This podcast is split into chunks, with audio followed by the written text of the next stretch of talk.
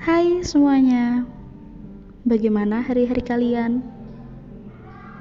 Ngerasa berat ya? Kalau ada masalah, cerita aja gak apa-apa. Nangis boleh, tapi janji harus kembali tersenyum. Kalau lagi capek, rehat sejenak boleh kok, tapi janji harus kembali semangat. Karena kamu itu lebih kuat dari apa yang kamu kira.